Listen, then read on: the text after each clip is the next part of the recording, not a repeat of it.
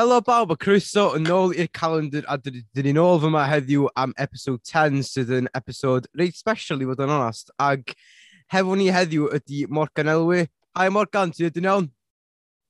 Yn dod yn bad, diolch, ti'n ti? Ie, yeah, dwi'n edrych gret, diolch. Mae'n plesor gael chi ar, so...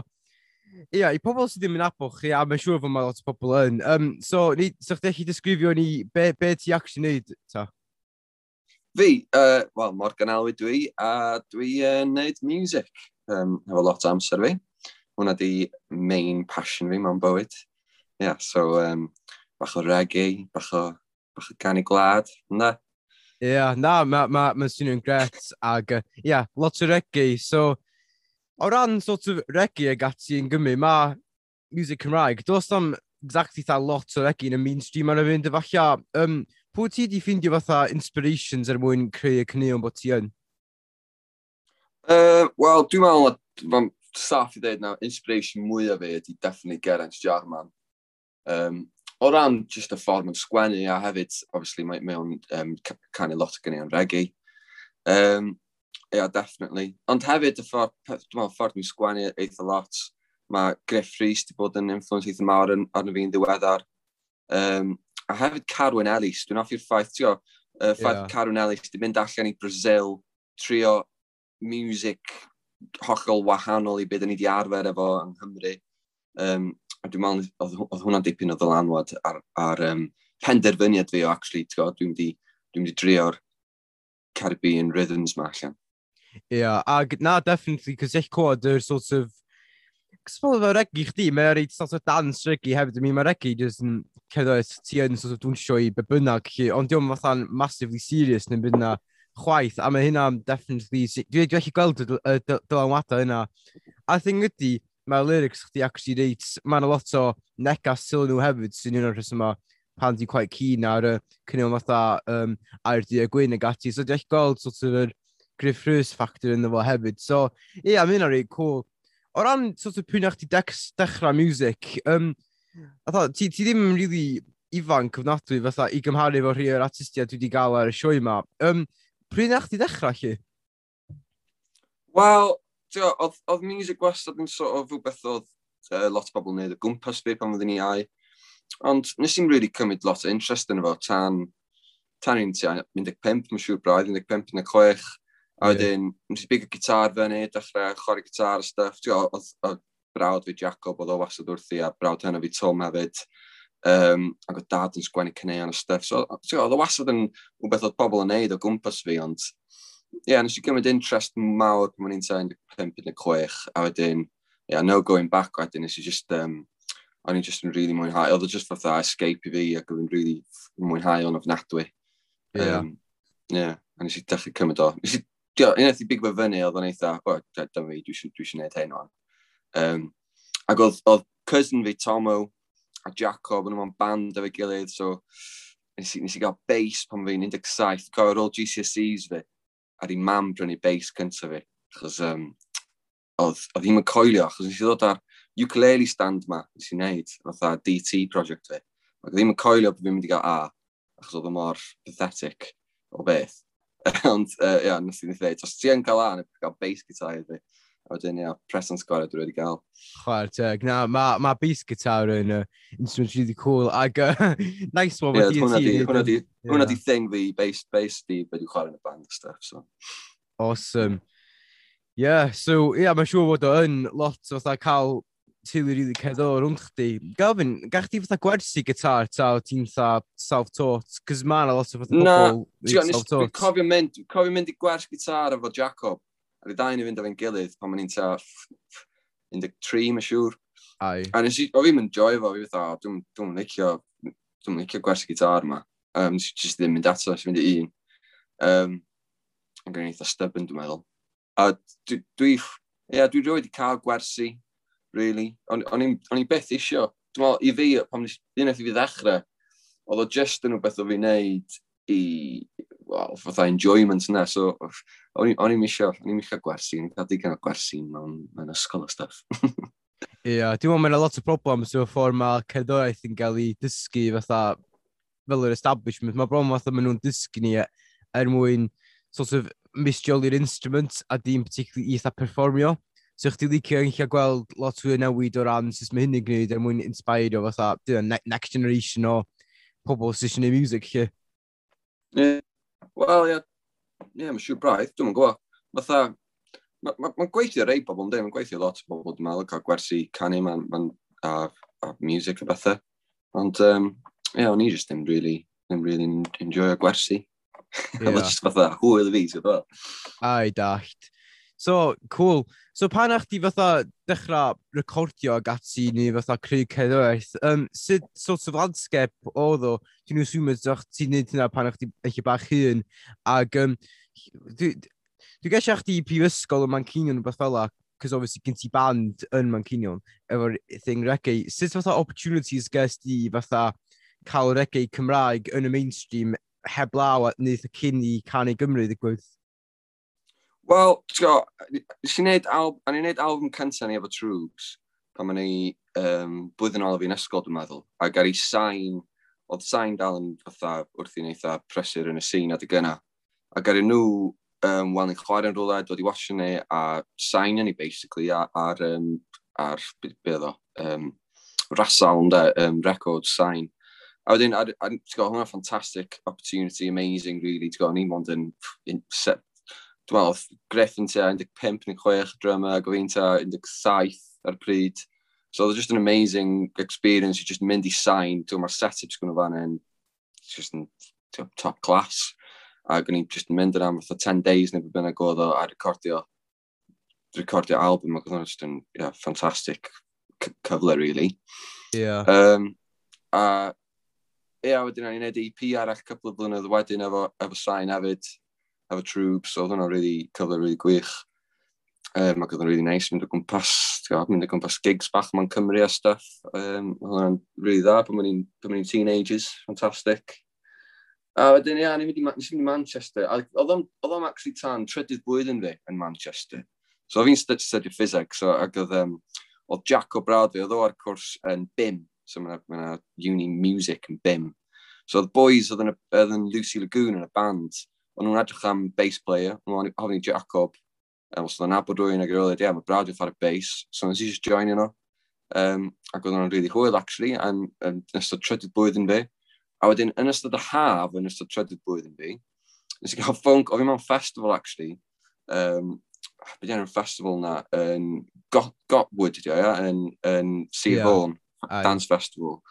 O fi yn hwnna, ac uh, just gael phone call yn y bore gyda'n o'r boys Lucy Goon, um, Zach, ac oedd o fatha, o oh, ia, yeah, um, so oedd y drummer yn dod o Switzerland, ac oedd wedi rhywsyd i wanglo i ni gael flights a five days mewn tio, top class studio amazing ma yn, um, yn ymwyl Zurich, so reit ymwyl Zurich, reit ar llyn Zurich. Jesus. So ti'n gwybod, o'n i recordio yn y dydd, a wedyn, uh, amser cinio, o'n i'n mynd am o'n i'n mynd am swim a stuff, ac ddim fatha, unbelievable.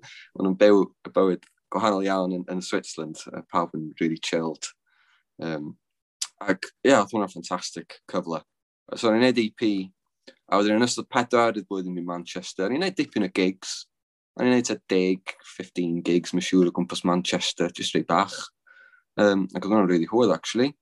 A ie, yeah, o'n i'n neud rhyw fath, dwi'n meddwl dyna lle i'r mm, sort of drive i, i a penderfyniad, o ia, ti'n gwybod beth, dwi'n dwi, dwi, dwi probably'n gallu gwneud reggae. O'n i'n mynd reggae band, oedd fatha indie oedd y really. Yeah. Mae'n yna cwpl o fatha, ti'n gwybod, ni'n rhoi roed y checkers fewn weithiau, fatha fusion sort of thing. A dwi'n gwneud cover Bob Marley, so oedd hwnna'n really hwyl. Um, yeah, so oedd hwnna'n experience really da, actually. Um, ond wedyn, ie, yeah, o'n i'n symud i Llundain wedyn, ac ie, yeah, dwi'n really chwarae nhw dim mwy, dwi'n gwybod, dwi'n gwybod sydd nhw'n gwneud lot, um, to be honest. Mae'n job yn dynnu bob dim, to sort of, stopio. Ie, yeah, mae'n siŵr bod, bod, bod mae wedi bod yn awful efo coronavirus ag ati. Ond rhywsyd, fatha, cos mae'n swnio fatha ti wedi bod full on efo cerddoriaeth ers y ti basically bod fatha rhywun oed a fi ac wwan ti da, di gorau stopio. Ond peth ydy, ti heb di rili stopio chwaith na, cys um, ydw i ond, ti, ti dal yn signed efo rhyw record label independence yma. Dim, sorry, di bad interview eisiau yma, ond ddim yn cofio enw fo. Ac ti wrth gwrs yn gweithio lot o adra efo Mared ag Jacob. Um, sut brofed i hynna fatha, di da byw fo tyliad yn nhw mor cedol, even dal wwan chi. Because I suppose, you know, efo musicians, dydy'r a byth yn stopio, a mae hynna'n wir iawn yn sort of y content ti'n cyrraedd y funud. Sut ti'n mynd hynna? Ie, yeah, so, um, dwi'n meddwl tua, ww, pryd oedd i, dechrau blwyddyn diwetha, so, dwi'n meddwl, well, ie, yeah, yeah, tua, diwedd 2019, dechrau 2020. Ai. Nes i ffonio Peast fyny, so Peast yn dosbarthu lot o music digidol Cymraeg, yn gwneud job ffantastig a just deith, o'n i wedi bod yn y studio, o'n i wedi recordio dau neu dri track efo, efo Jacob a, a Troops, so efo Tom o Griff. Um, a ni recordio y can annibyniaeth ar y ddod allan flwyddyn dwytha a hiraeth ddaw. Cwbl o tracks eraill sydd dal, sydd dal yn y proses. So ni wedi recordio nhw'n ages. A wedyn, nes i sbon yn y fyny a dweud, so, dwi eisiau rhyddhau hein. Um, gawn ni just rhyddhau nhw yn annibynnol trwy'r chi. A dwi'n meddwl, o ia, pam wneud i'n just rhoi enw at ei gilydd um, label a nhw'n ni, ni sort ti allan efo, efo portal o bob dim. So, um, ie, yeah, oedd hwnnw'n rili da. So, so ar i Jacob a fi, just brainstormio enwau. A dyn ni'n byw yn Bryn Bigad, so enw'r label ydy Echoes Bryn Rock. Yeah. So yeah, just Jacob a fi sy'n sort of rhedeg hwnna fi'n gilydd. Dyn ni'n um, just i rhyddhau music ni ar y funud. A ti o, os di rwy'n yn grando, ag isio help efo rhyddhau music, then you know, give us a shout yn de. Um, na ni definitely trio sortio beth allan. Um, yeah, ond mae just yn rhywbeth i rhyddhau music yn hynny'n ar y funud, just yn ffordd. Mae lot o waith, rhedeg y label, sort of, achos ti'n gorau gwneud gyd o'r promo a gyd o'r e-mailio dy hun. Yeah. Ond, um, ond mae'n hwyl hefyd, mae'n fatha, dwi'n dwi really enjoyo pob, pob aspect o'r o'r neud y music, siarad efo pobl amdano music, ti'n neud y promo videos bach yma, dych animatio fod yn yma sy'n really hwyl, just cool. efo'r hmm. iPad. Ie, yeah, so mae hynna'n, mae'r ma whole process di bod yn, yeah, dwi'n dysgu lot, dysgu lot amdano'r industry fel dyn ni'n mynd ymlaen hefyd sy'n sy da. Mae'n an awesome. So, fatha, yeah. sut wyt ti actually gwneud record label? Cos mae, fatha, Mae'n siarad efo hyn fe, yn daf, episod wytha, Cos mae o, bys i wneud wbath tebyg i chi efo High Grade Grooves. Basically, dim ond bod da chi angen sort of fatha brand ym mewn ffordd i actually neud record eich hunan, fatha label eich hunan. Ac ydy o lot o waith fatha trwy fatha llywodraeth, registro bob dim, ta ydy just kind of mwy o wneud dyn ni'n record label o'n it fatha by, by my own declaration. Ie, um, yeah, dyna be oedd o basically. A ni just, yeah. Um, ti'n declario, da ni'n record label. A gari peace search ni allan efo, mae just fatha distributing platform yma. A wedyn, ia, pethau fatha licenses, ti eisiau cael hynny fel ti'n mynd ymlaen. Fatha nes i printio'r CDs yma, so mynd ar PRS, gofyn beth i gorau wneud, a wedyn deith ti beth ti'n gorau prynu license, a dyna fo, pethau fel yna, da. Um, yeah, so, yeah, dyna beth dyna oedd o, really, just da ni eisiau dweud, o ia, dyn ni'n rhai music a dyma label ni. Chwarteg. Mae'n yeah. really cool. Ac ti'n ti gweld lot o artistiaid arall yn gwneud hyn, a mi wedi sôn amdan endaf, ond ti hefyd efo fatha um, records yn oedda fatha tiwr doeth ag ati. Mae yna lot o bobl yn teimlo fo mae mainstream music Cymraeg bach gatekept i ffwrdd o falla dyda genres fatha yn eich reggae neu fatha, especially fatha stwff yn eich mae tiwr doeth yn neud sydd yn wahanol iawn i falla beth sy'n dod allan ar Radio Cymru trwy'r adag. Wyt ti'n meddwl bod yeah. o'n peth da fod ma... Mae o'n ma, ma, ma arguably haws o'n i creu record label efo fatha away a social media o'n. Fatha, dio ddim... Wyt ti'n meddwl bod o'n mynd o rili accessible i bobl arall ag sort of y sy'n annibynnol mewn ffordd efo'r labels bach ma. Ynddi, fatha, a, a beth sy'n lyflu amdan um, cymuned music Cymraeg ydy, mae pawb yn fodlon helpu gilydd, so fatha, o'n i'n cael cyfarfod diwrnod blaen efo, efo, efo pobl o um, tio, Cosh Eek Chain a, a rhywun o Sain yna hefyd, um, efo Pist. Just yn, ac oedd o'n really nice, o fi sy'n joinio fewn fatha newbie mewn ffordd, fatha'n dysgu, all right, be di'r conversation yma amdano, ac o'n nhw'n trafod pethau fatha um, plans, esbod esbodrec, fo music a stuff fel yna. Um, so, dwi'n meddwl, mae'n ma really, mae pawb yn really supportive ac achos a diwedd y dydd, hefo pobl sy'n neud music Cymraeg, um, da ni gyd yn neud o mewn ffordd, ia, achos mae jyst yn dod allan fatha celf, ond hefyd, dwi'n meddwl bod pretty much pawb sy'n neud music Cymraeg hefo lot o passion tuag at y iaith a, a cadw'r iaith a, a cadw ein diwylliant o, o tio, wneud celf trwy, trwy Cymraeg. Um, a mae pawb yn really supportive o, o pawb sydd, sydd, yn, sydd yn neud ymdrech i wneud hynna, sy'n ffantastig. Cool bod ti'n teimlo fel a cant y cant, ac na, definitely cysyno bod um, efo tha plans ag ati fel a, ac bod, you know, mae o lot haws yda i get into that club er mwyn bod yn rhan o'r trafodaethau na mewn ffordd na falle sydd efo scenes gwahanol. Chi. Na, cant i cant, mynd yn lot o sens. So ni hefyd i siarad chdi amdan, wrth gwrs, gen ti album newydd sydd newid o allan yw tai dwi'n yn ôl. Ti'n gwrando fo ag I Love It. Um, o, oh, dech ti. Uh, Criso. So, be oedd sort of the planning process til hynna, pryn na chdi penderfynu creu fatha, tybe, cys ti di bod yn chwarae fo bands o bach i trwy gydol dy fywyd mewn ffordd. Mae yeah. o bach o big step, I suppose, i bod yn artist i hun. Be oedd y sort of thoughts process til hynna? Wel, ti'n gwybod, pa diwetha oedd o'n really awkward. O'n i di, um, fi wedi bod yn really brysur yn trefnu gigs. O'n i wedi cael mwy o gigs o'n i wedi cael ys blynyddoedd, really. O'n i wedi cael, o'n gen fath 15-20 gigs yn lined up ad fatha. Ar y troops, ac o'n really, um, o'n i'n really excited. a wedyn, nath o gyd fynd i'r cach, no, um, obviously, efo Covid.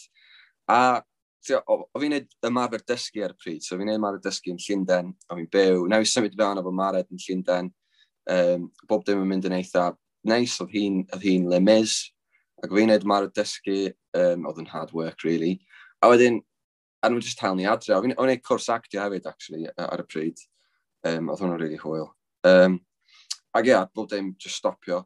A wedyn, a ni fynd i Sir Fôn am pretty much. A ni'n mynd i fynd yn am few weeks, a wedyn, ti'n o, o ia, dyn ni'n mynd i fod yn ôl. Beth yn normal erbyn mis ebrill, ond obviously nath o ddim digwydd. Ni'n endfynu'n aros efo 9 mared eira yn Sir Fôn am three months, ac ie, yn ystod y, y misoedd yna, nes i just dechrau, oedd Mare just flat out, wneud beth bob dydd yn recordio rhyw fath o can i rwy'n, neu beth bob dydd, ac tio, mae cael rwy'n fel na gwmpas ti'n inspiration yn ei hun. Yndi. Um, definitely, ac ie, yeah, nes i just dechrau recordio, a wedyn, tio, bob, bob tro dwi rioed wedi wneud record music ar rhywbeth music o blaen, da ni wedi mynd i'r studio professional setup a rwy hefo, hefo engineer a recordio fo'n iawn, um, ti'n recordio can mewn diwrnod sort of thing, a wedyn dyna fo. Ond oedd hwn yn proses holl wahanol i fi, so oedd yn lot o proses, proses really adbrofol, achos oedd fi'n gorfod dysgu sydd wedi recordio i gychwyn, a wedyn dysgu gyd o'r production techniques yma. Wow. O'n i'n gwybod dipyn, o'n fi'n gwybod dipyn o, o just bod yn neud music yn blynyddoedd, Ond o'n i roed wedi fatha record fi hun yn serious o, o adre. Um, so ia, yeah, prynu bach o equipment extra, o, o, o gynnau dipyn yn barod anyway.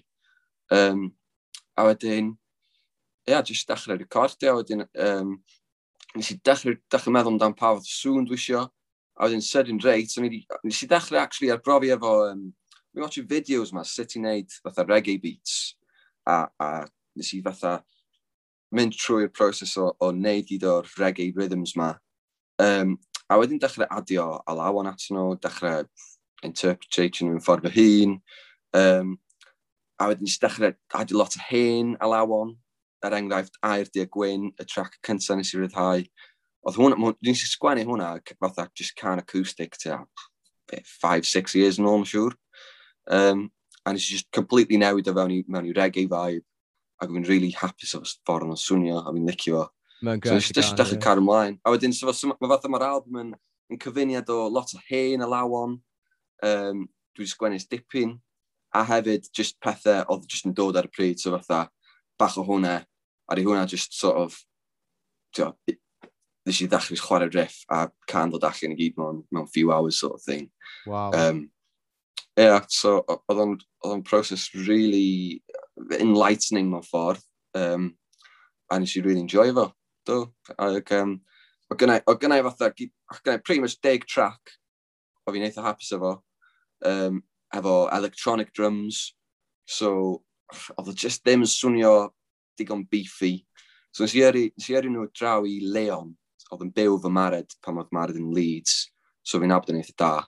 Um, oedd o wedi bod wrth i, ti'n gynnal studio bach, ac yn gweld fideos fo'n recordio hun, ac o'n swnio'n rili dda, so fi weitha, ti awydd, have a go a recordio, recordio drums dros hein i fi. Ac nath o gymryd dipyn, achos Covid oedd heb access i studio fo a stuff. And two months wedyn, nath o ddod yn ôl efo, efo gyd o'r tracks wedi recordio drums yn perfect, ac fi'n really hapus. Um, yeah, so dyna, dyna be oedd y holl proses, really. A wedyn eisiau just gyrru nhw i o'n eisiau professional touch ar y mix ac ar i May Gwynedd neu job lovely. Um, o'n i'n gwybod, o'n i wedi gweld, gweld May Gwynedd yn chwarae efo Garen Stjarman couple of years cynt, so fi dda, ww, dwi'n siŵr, dwi'n siŵr wneud May Gwynedd neu job da. A nath o, dwi'n really hapus efo, efo ffordd nath o mixio, mixio'r album. Wel, chwa, teg, so, o'n i'n sioct yno, cos o ran pan o'n i clywed album, cos o ran beth dwi'n neud fy hun, e gyda ddo, cyn sort of yr EP mwy newydd ma, o'n i'n neud bob dim fy hun yn fatha recordio popeth fy hun, dim yn i fy mynd i studio fatha master yna. Wel, ni yn fod rhi o blaen, ond fatha, o, and di completely dymryd y studio, even yn Covid chi. So mae'n mad bod fatha ti di fatha literally byw bywyd o fatha mynd i studio trwy'r adag, especially rwy'n fatha sain, a ti di gorau really tawyd hyn fewn i'r deep end i fatha actually recordio bob dim dy hun mynd agor gorau bod yn uffernol o learning curve i chdi da. A wedyn... Do, oedd o'n huge learning curve. Yeah. Ai. Ag... Nes i fynd lot o fo'n stafell off y gegin adre yn ti, um, yn ti mam. Ag, um, ti'n gwybod, so, fi'n gorau cymryd unbelievable amount of takes, achos, ti'n gwybod, fi'n gwneud good take, wedyn yn rwy'n dod fewn yn ei paned. So, yeah. oedd hwnna'n, oedd hwnna'n, ie, yeah, bach o, bach o cave. Ai, dacht. Ond, ti'n modd, mae'n ma freid ag organic hefyd hi, ag mae ma yna lot o... Culturally, mae o'n neud regi, neu ti'n mewn ffordd, cos mae lot o regi amdano fatha parch ag ati, a just, you know, it is, it is kind of attitude mewn ffordd, a wedyn, beth ti'n mwy regi na'r recordio o bath yn cegi yn mam chdi, mynd am quite respectful, mynd am awesome. So, really licio hwnna. Mae ma adi gymaint o fatha quality tuag at yr album. Bechon na chdi'n neud fideo, chdi efo fatha rhyw blooper text fel allu ag rhoi allan syna, syna di bod yn um, really cool. Ond, um, there we are. mynd an, awesome da. So, un peth arall, ti, ti sôn lot amdan lot o'r contacts ti wedi gwneud dros y blynyddo fatha, obviously mae mei gwirionedd i helpu chdi allan lot o'r mixio. Um, mynd an rhywbeth hefyd yn i trio um, cyrchu lot yn y calendar, cys mae audience ni lot hwnnw, maen nhw yn gerddorion sydd yn rili really newydd y sy'n pobl sydd dod ar hefyd. So, o ran pwy sy'ch ti wedi gweithio efo fo, um, gyda i tri cwestiwn o ffwrdd. So, os o'ch ti gorau gweithio fo massive sort of internationally recognised band neu fatha musician, pwy fysa fo dead or alive hefyd. Um, second, os o gorau bod rhywun fatha less well-known yn y UK chi, pwy fysa chdi. A tri, os o'ch ti gorau fatha trefnu collab efo rwy'n yn, yn yr SRG neu fatha unsigned Welsh Music sy'n fory pwy fysa fo? Ww. Um, so, yr un cynta worldwide, dwi'n meddwl ar y funud, dwi'n really hoffi stuff mae Chronics yn neud, a dwi'n meddwl sa, so ti'n gwneud Chronics um, artist. Ai, cwad, o? Ie, yeah. yeah, yeah, fantastic. So, yeah, fo dwi'n meddwl, so fi'n hoffi gweithio fo mwyaf. So that's an amazing. Dwi'n meddwl sy'n dysgu loads. Um, dwi'n llai sort of adnabyddus. Oh, I don't know. Um, tough one. Wrach, Ooh, beth sy'n meddwl o llai adnabyddus fatha yn UK? In, llai adnabyddus as in fatha, dyn nhw'n mynd massively internationally recognised, ond dyn nhw hefyd ddim fatha underground arts, dyn daeth fel, so fatha, wbath in between, fatha Bob Marley ag David Hez. Yeah. Um, yeah. I don't know. Dim so, clem. Dwi'n ffantastig gweithio fy rwy'n fatha, um, fatha super furry animals. Ie, yeah, mi na yn siawt, so rwy'n eitha gwneud ffrys falle. I mean, di gwybod mae boi yn internationally recognised, ond fatha, efallai, ie, da, da, fel, Ac efo rhan olaf, pwy, pwy ti'n meddwl, ta di rili really chrwy chdi ar y spot yma, so di rili really sori. Do, ti wedi. ti wedi, ond... Horrible. Yeah, fair enough. Dwi'n meddwl, um, well, yeah, Gareth Jarman, Astor so fi'n lyfio gweithio yn neud can efo Gareth Jarman collab. Yeah, so yeah. amazing. Sy'n cool, so, man. Yeah. Yeah. Definitely. Definitely. Na, dim ond sy'n na'n massively successful o um, collaboration ag, you know, gan bod chi efo'r ffactor na bod chi...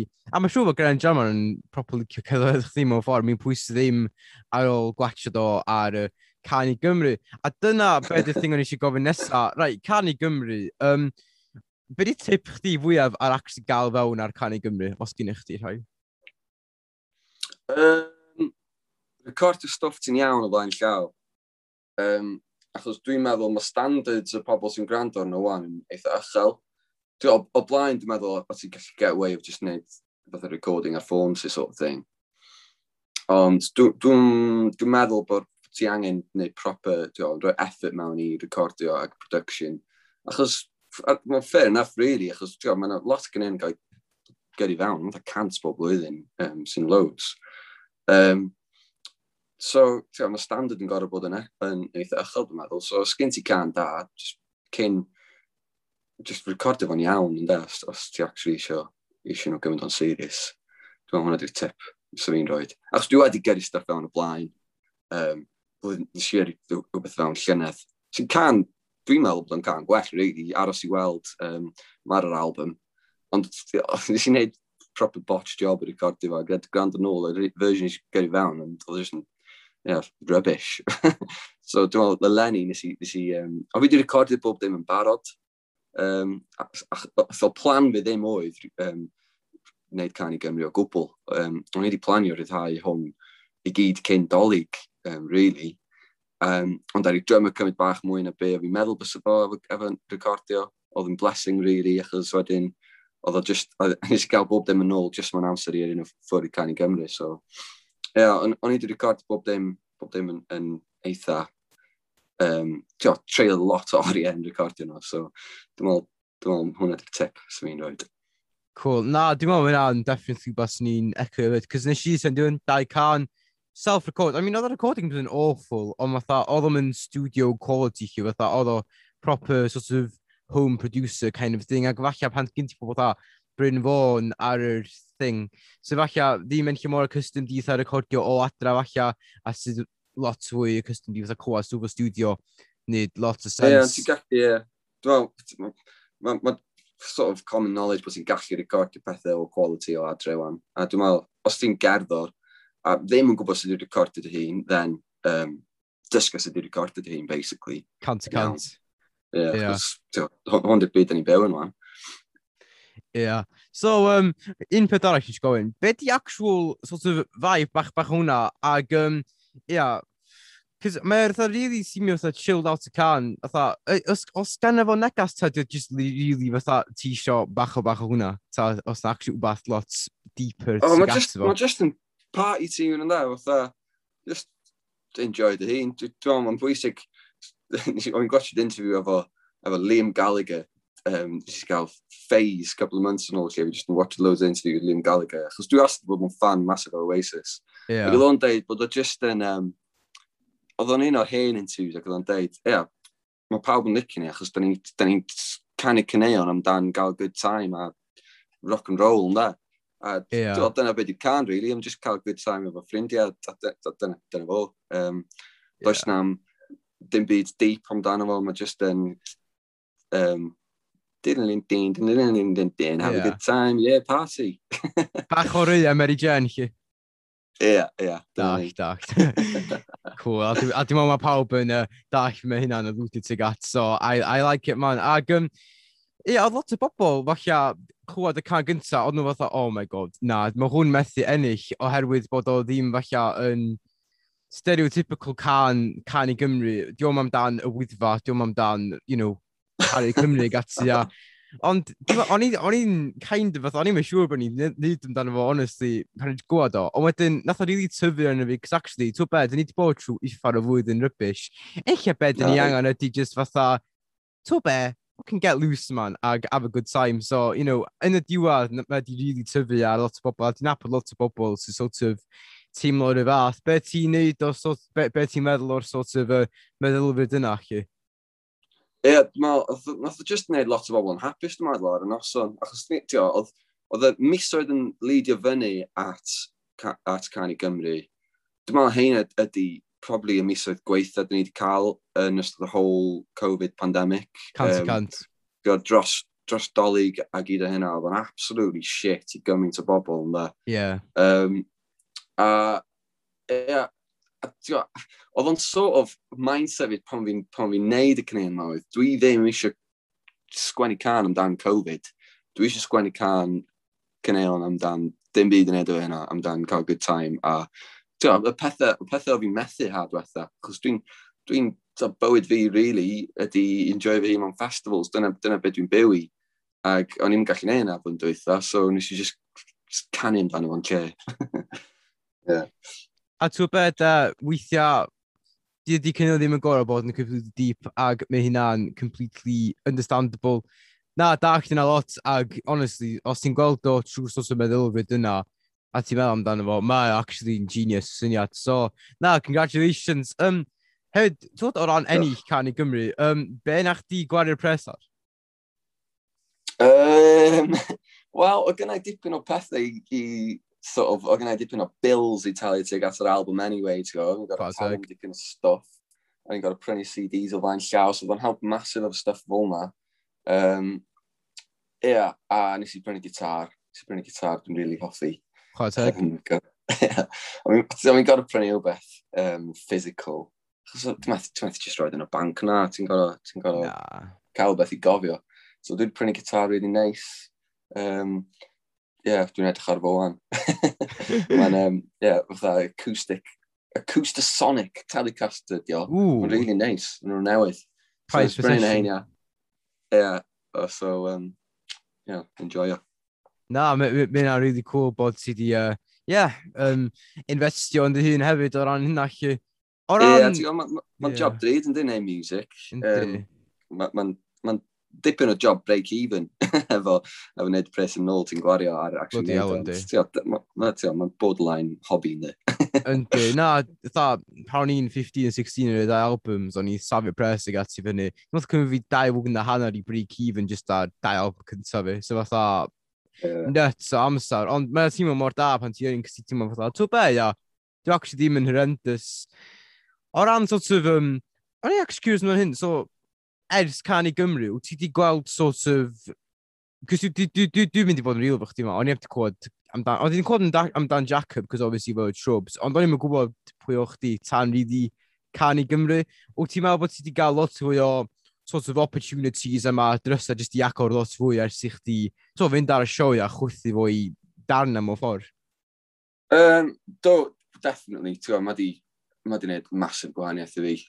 Um, dwi'n meddwl hefo, hefo promoter album yma, mae di, ma di, mae just yn gwneud audience fe times a thousand, basically. Um, oh. Definitely. Um, do, mae di neud huge gwahaniaeth efo stuff fel yna. Um, hefyd pethau fatha, dwi'n nes neud collaboration, one of collaborations of pobl o stuff. Um, mae yna criw fatha, um, sort of criw electronic o, o Gogledd Cymru sy'n gwneud lot o dub a stuff a nhw, wel, mae'n cysylltu dy fe, so dwi'n wneud EP efo nhw, lle wyt just yn basically sgwennu can dros, dros, um, dros rhythm ma rwy'n di wneud. Um, Ie, yeah, pethau fel nat, um, efo pen dub. Ti'n gwybod pen dub? O, pen dub, na. Pen dub o oh. pen oh. llun. O, pen dub, oh, o, do, dwi'n meddwl ma, fatha, dwi'n meddwl mam fi'n gweithio fo mam y person sy'n rhedeg y grŵp, so di actually kind of nabod, well, ta indirectly nabod y grŵp, a uh, maen ma nhw'n ma nhw actually really dad clywed fwy o stwff nhw. A so, obviously, ti'n neud efo, ti'n neud stwff efo nhw hefyd, dwi'n gesio, sy'n really well, cool. da ni jyst yn neud un track, man, oedd o'n neud EP, um, well, just boi di penta, bend i fo. Um, yeah. A wedyn, o'n i'n neud EP hefo fo a Ritual Collective, so yna pedwar Ond y pedwar artist gwahanol yn canu dros yr basically yr un un rhythm. So mae yna pedwar cam um, gan pedwar artist collaboration hefo pan dub di pob un yno. So, diolch, ffantastig. Hwyl, ti'n dod i nabod pobl a dod i gweithio pobl newydd. Um, yeah, so mae can i Gymru definitely agor loads o, o drysau yeah. um, i fi. Ond, ie, yeah, rhywun pryd, dal, dal wytio di'n um, i'r gyd o'r festivals mae cychwyn eto yn da. Sy'n edrych bod neis fel ni. Ie. Ag dim ond mynd am bod, bod lot mwy beneficial i chdi bod in your words mae audience chdi di gael i fatha llosi fo fatha milodd ar y munud. So mae'n siŵr gyd i, wel, milodd fwy o festivals. gael performio yna hefyd, sy'n Cys fydd o'n cool i chdi, cys oedd bob festival dwi wedi mynd i performio, o'n i'n mynd gorau talu ddod fewn, so gyd i uh, free festival access sy'n uh, mynd i wneud bod chdi lot tratach a lot hapusach hefyd sy'n ni'n gesio. Definitely. Definitely. Awesome stuff, man. So, um, un peth arall amdano Canu Gymru, wyt ti'n... Os na darn ohono chdi falle sy'n dyfaru mynd arno fo, oherwydd falle bod Canu Gymru sydd wedi sort of... Cos i gweithio rydw i calad dros y deg blwyddyn dwytha, wyt ti'n gweld fatha can i Gymru ydy'r un peth uniongyrchol sydd wedi sort of quote unquote creu career chdi? Ta ti'n meddwl bod o deg blwyddyn yna efo band a trwb sy'n gati bron yn uniongyrchol necessary i actually cael chdi llew si wan? O, oh, definitely, ti'n gwybod, fatha, um, mae pob eiliad ti'n treud o'n neud music, um, ti'n ti gwella fath o musician, dwi. Um, a ti'n dod i ddeall y, y grefft. A um, yeah, definitely, dwi'n dwi, dwi regretio cael ei o gwbl, Mae ma jyst i bod yn, yn blessing, really, um, i fi. A, ie, yeah, dyna o, really. Um, dwi'n meddwl, ie, yeah, pob un amser, dwi, pob eila dwi'n treulio neu music fyny at hyn wedi, wedi wneud, wedi galluogi fi i allu sgwennu cyneuon digon da i, i fod ar platform fel yna, dwi'n meddwl, a, a plesio pobl. Hyn yn awesome. Wel, really hapus cwad, bod mae'r holl thing wedi well, really gweithio allan yn berffaith i chdi. So, hapus yna amdan hynna. Un peth arall yn licio nid ar y sioe yma ydy, um, wel, i artistiad rili, really, dyn nhw'n licio fatha chwarae a few tunes ar y sioe fyd. Ac fel ti wedi dweud, ti ddim really in need o platform lle, ond obviously mae siarad efo chdi amdan sut ti gael eich o ti, mae o'n really inspiring i lot o bobl, especially eitha fi hefyd. So, dim ond i chwarae un o tunes chdi, ac tywod, y tune dwi'n licio fwyaf gyda chdi ydy um, ar Dydd Gwyn, cys di gwybod o'ch ti ddim o um, bach hwnna bod ma, does na ddim lot o neges ydw fo, ond a dwi'n deall i mewn gymaint i fatha Aer Dydd Gwyn, a dwi'n cytuno fo beth ti'n dweud gymaint bod, you know, live for the good times a basically bod, you know, dydy pres i mae bob dim. So, really licio y syniad na, so dyn ni'n mynd i chwarae fo ar y sioe. So, yeah, cool. So, pawb sy'n gotcha, dyma Aerdi a Gwyn gan Morgan Elwy o'r Aerdi a Gwyn.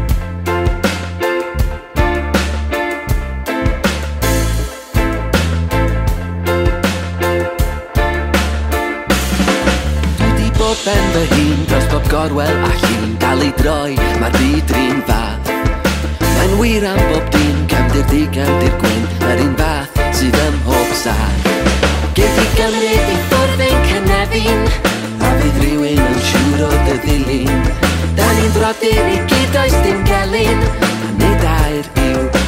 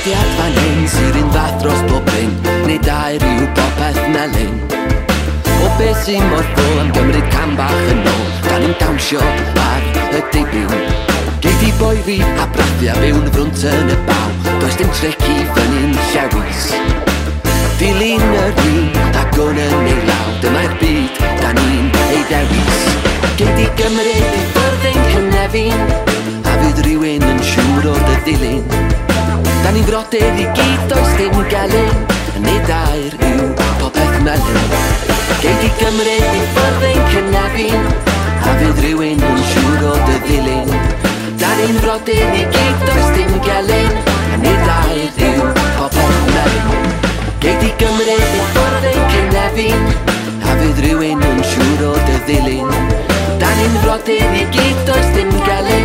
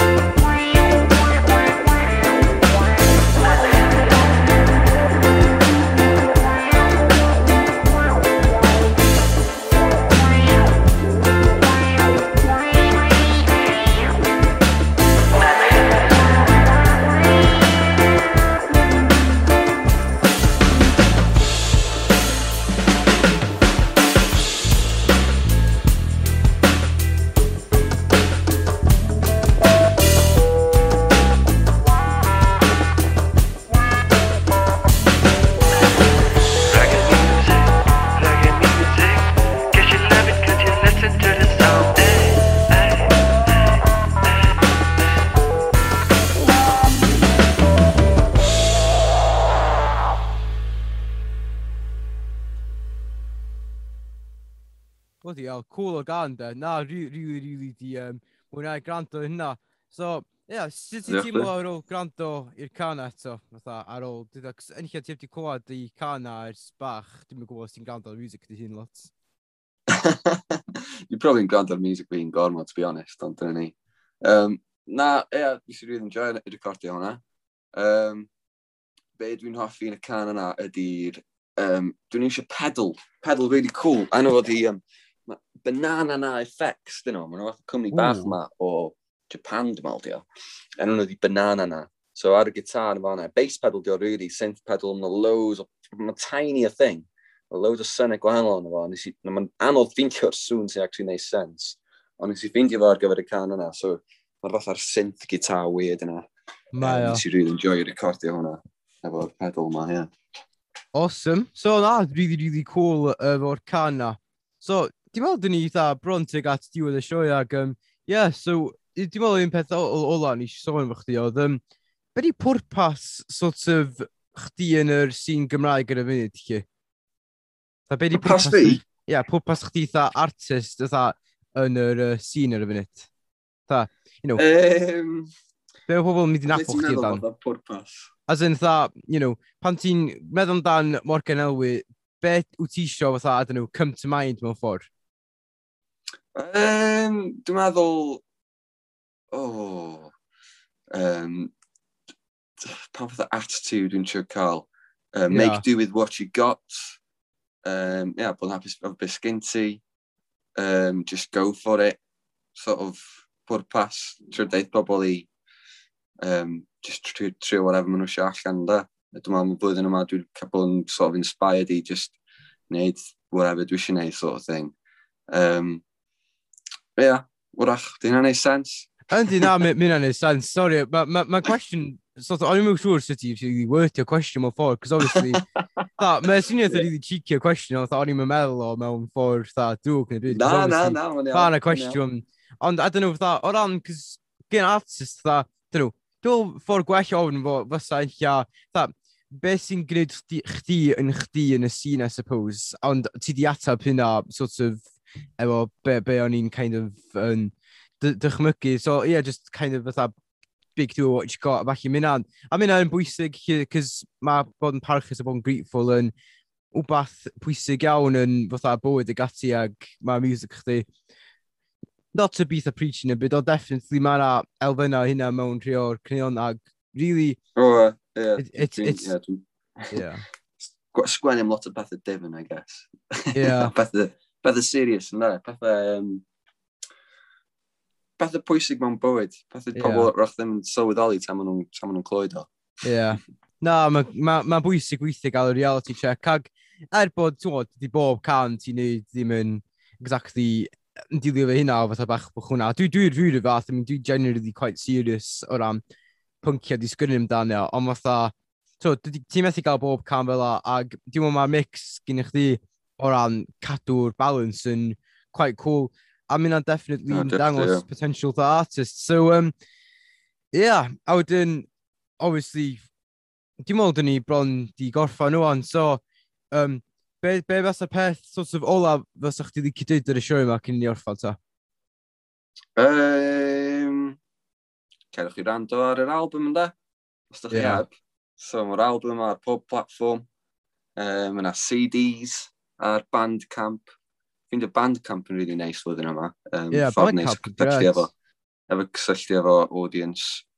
Um, so dwi'n meddwl, os ydych chi heb, os ydych chi'n artist ag um, jyst yn cychwyn off, gwnewch Bandcamp camp account. Um, a ie, yeah, mae gennau t-shirts hefyd a jumpers. So mae t-shirts a jumpers bach o hwnna ar gael.